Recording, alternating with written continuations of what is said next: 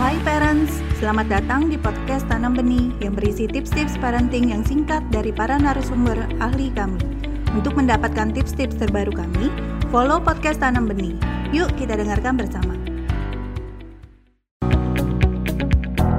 Kalau menurut saya orang tua yang bijak untuk anak remajanya itu saling percaya satu sama lain. Dalam arti begini, orang tua percaya bahwa anaknya sedang mengembangkan diri secara positif dan kemudian ketika si orang tua percaya kepada si anak, si anak juga akan merasa memiliki juga rasa tanggung jawab terhadap kepercayaan tersebut gitu. Dan ini memang nggak bisa dibangun dalam hanya waktu satu bulan gitu.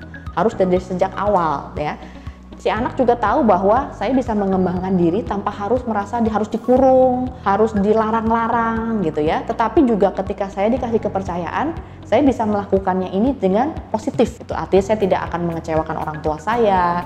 Saya akan membawa kepercayaan orang tua saya ini dengan baik dan menuju ke arah yang juga positif buat saya ya pasti kalau orang tua dan anak saling mempercayai, otomatis juga harus didukung dengan pola komunikasi yang sehat. Ada pola komunikasi yang timbal balik. Jadi orang tua berkenan untuk mendengarkan anak dan anak juga mau mendengarkan orang tua.